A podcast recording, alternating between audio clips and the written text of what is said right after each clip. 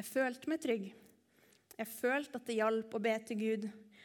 Og jeg følte meg elska av Gud fordi jeg trodde på det folk lærte meg. Jeg trodde på den bibelfortellingene jeg hørte, på filmer og sanger. Og ikke minst så lærte jeg jo òg store og alvorlige sannheter, som at ikke alle kommer til himmelen.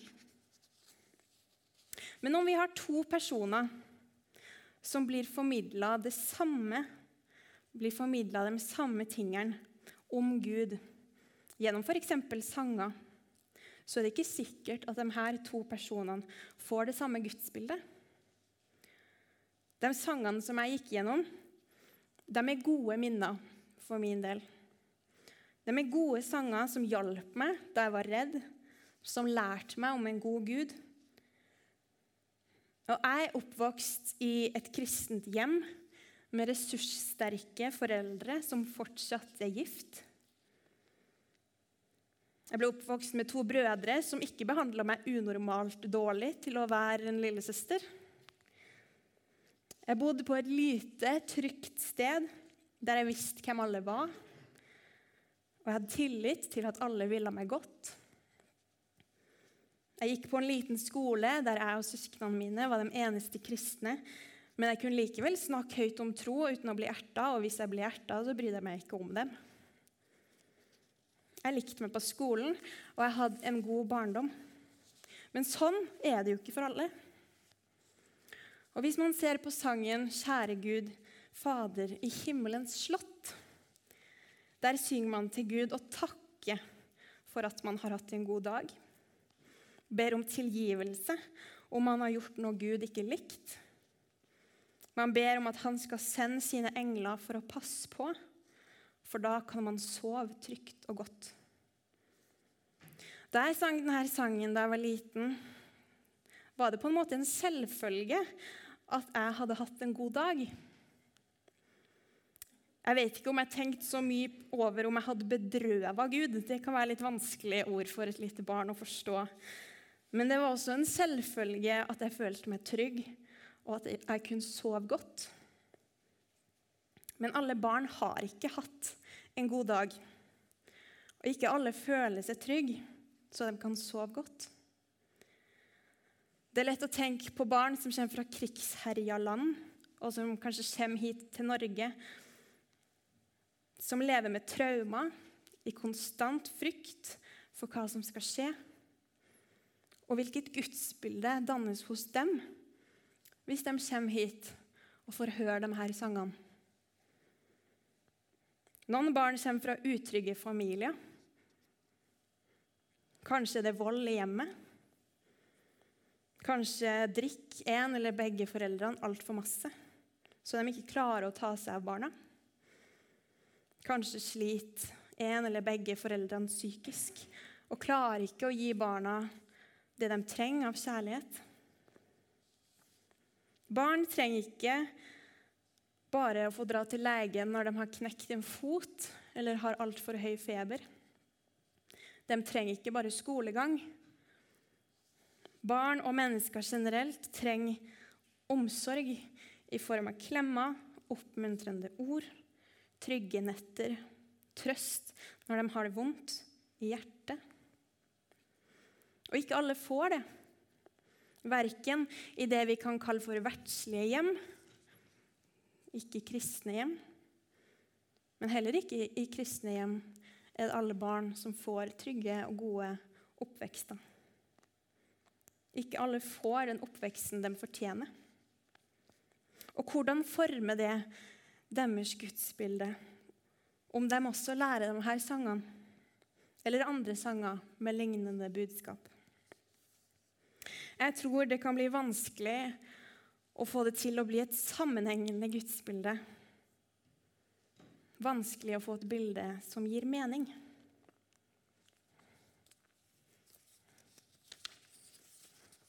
Så er det ikke slik at alle barn som har vokst opp i vanskelige situasjoner, kan få det vanskelig det er ikke bare barn som har vokst opp i vanskelige situasjoner, som kan få det vanskelig med å danne seg et solid gudsbilde. Jeg har kjent på det samme.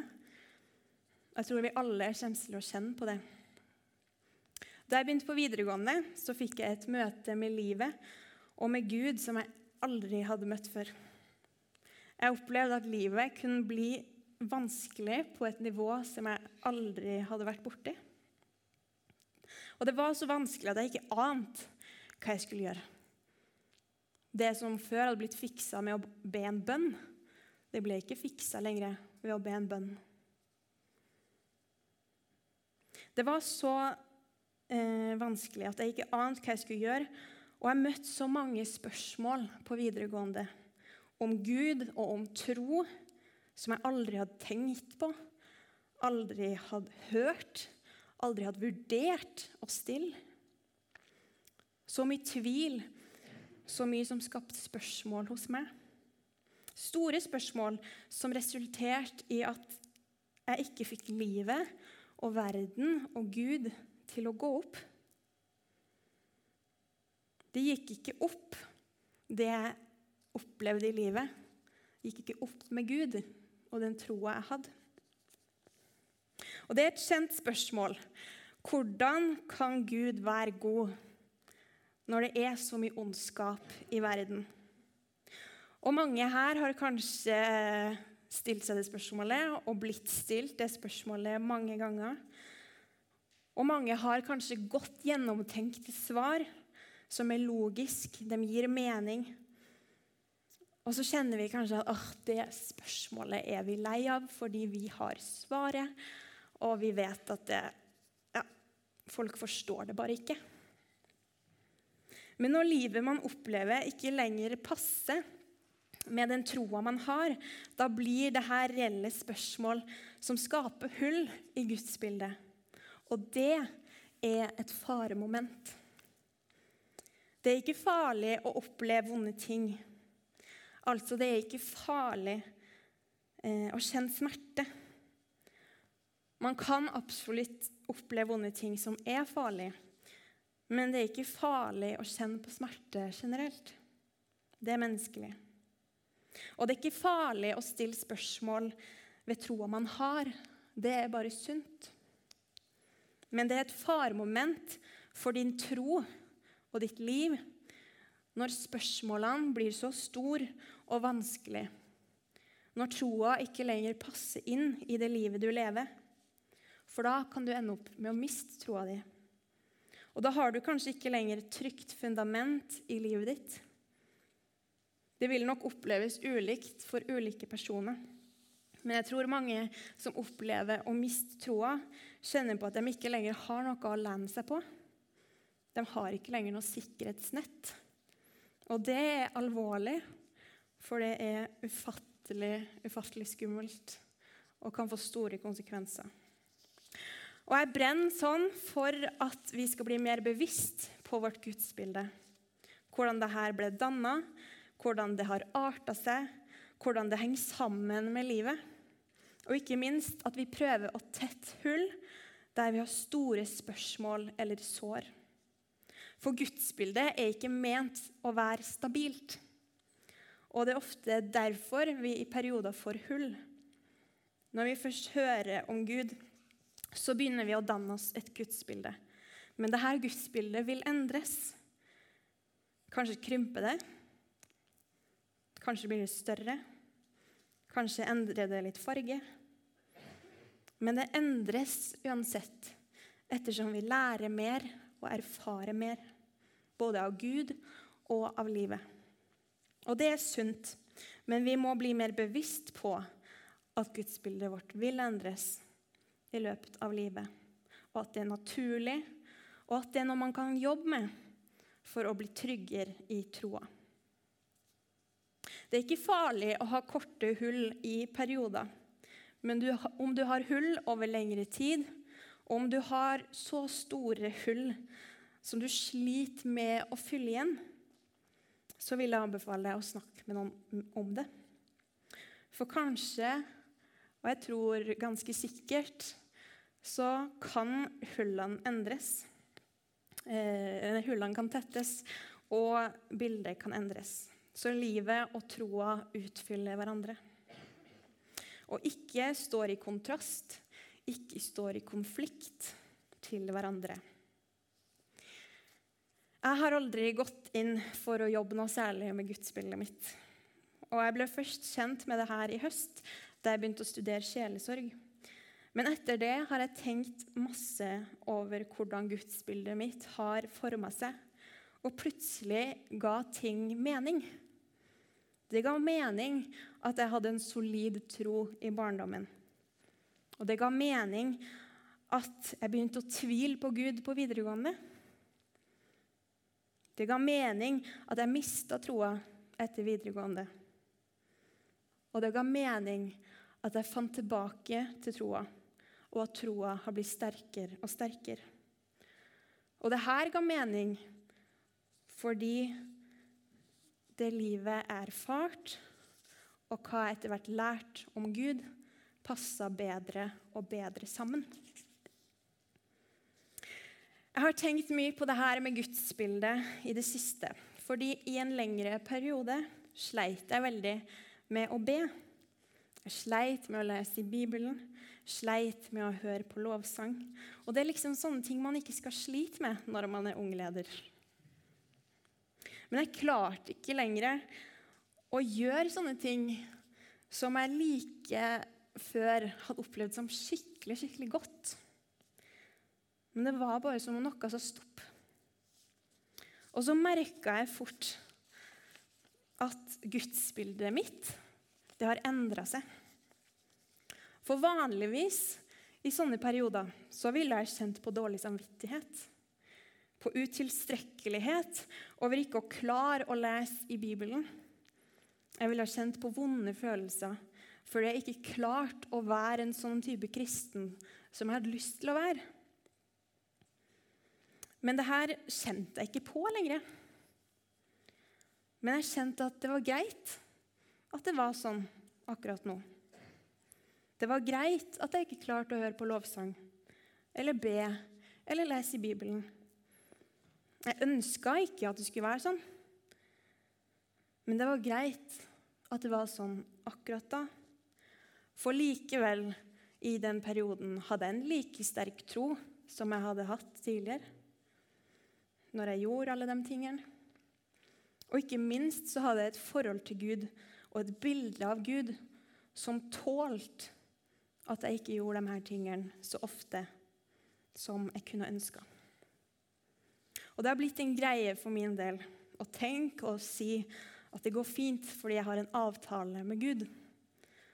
Og det er at han vet at jeg er her, og jeg vet at han er der, og så er vi enige om at det går fint akkurat nå. Så er det jo absolutt ikke et ønske at det skal være sånn. Jeg ønsker ikke det for noen. Og jeg er glad for at for min del var det bare en kort periode. Men spørsmålet er hvordan er ditt gudsbilde? Og hvordan tåler gudsbildet ditt sånne perioder? Hvordan tåler gudsbildet ditt utfordringer du møter i livet? er gudsbildet ditt åpent for å endre seg?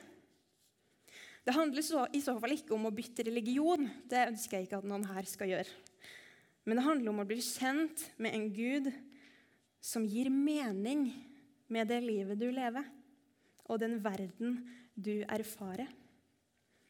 Jeg vil oppfordre deg til å tenke over ditt gudsbilde, og gjerne snakke med noen om det.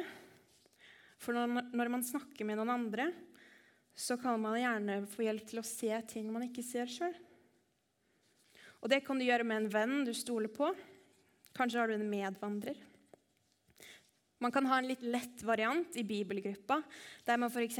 snakker om hvordan gudsbildet har forandra seg opp gjennom livet, utenom å gå inn på eventuelle store kriser. Eller så kan du snakke med en som driver med sjelesorg. Med meg, med Frank, som er pastor her. Kanskje noen andre i menigheten, eller noen som står utenfor menigheten. Men uansett om du kjenner at det her med gudsbildet er vanskelig, eller om det går veldig fint, så anbefaler jeg deg å jobbe med det uansett. For man kan lære så utrolig masse om hvem en sjøl er, om hvem Gud er, og ikke minst kan man få et sterkere og klarere forhold til Gud. Et tydeligere bilde av hvem han er, og kanskje et romsligere bilde. For det jeg tenker er ganske sikkert er at når man er barn, så har man trolig ganske snevert bilde av hvem Gud er. Og det er greit, for det er begrensa hva barn forstår, heldigvis. Men ettersom man blir eldre, må gudsbildet romme mer. Fordi man forstår mer av livet og av troa. Så gudsbildet trenger å utvikles, og det er sunt. Men av og til trenger man hjelp. Og uansett om man trenger hjelp eller ikke, så kan det være greit å ha noen med på den reisen. To ting til slutt.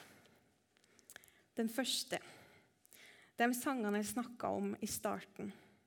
Jeg har ikke et ønske om at dere ikke skal like dem fra nå av.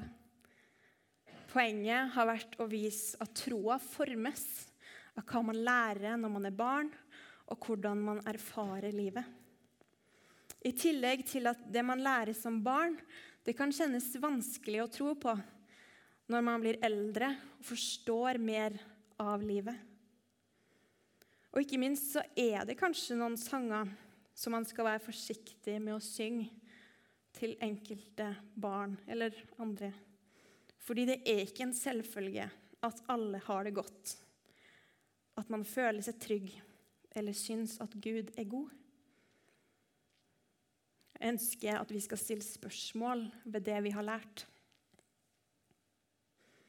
Og nummer to Helt til slutt så vil jeg si at jeg er en forkjemper for at troa skal være lett å ha med å gjøre i hverdagen. At vi kan senke terskelen for hva som skal til for å koble seg på Gud. Ehm, for jeg tror vi alle vet at det er ikke alltid vi klarer å sette oss ned og lese i Bibelen så mye som vi ønsker, eller be hver dag. Og Lillian Hinderaker Haugland har akkurat begynt å jobbe som barne- og familiekonsulent her i Misjonshuset og i Misjonssambandet Sør.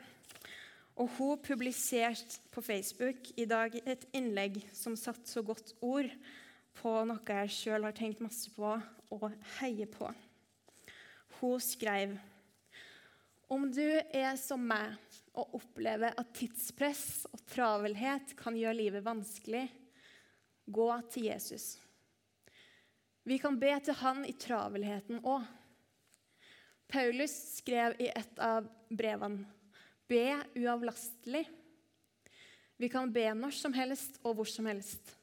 Mens vi kjører bil, lager middag, skifter bleie Dette var ment for småbarnsforeldre. Det er ikke noe vi skal prestere eller få til, men er en invitasjon. Vi inviteres til dialog med Jesus gjennom dagen. Gud trenger ikke oss. Han er ikke avhengig av oss. Det er vi som trenger han, og vi kan hente mer fra hans kilder. Jesus kom ikke for å legge flere byrder på oss, men at vi kan legge våre byrder på han. Jesus har sendt oss Ånden som ber for oss når vi ikke får til det heller. Og noe jeg har lært, og noe som har blitt viktig for meg de siste årene, er at bønn trenger ikke å være å sette seg ned og folde hendene og bli der i ti minutter, eller hva man skal være. Det kan være en dag man har det travelt, og bare puste ut og si Gud, vær meg nådig. Og så er det det. Jeg tror det òg kan ha enorm effekt på livet ditt.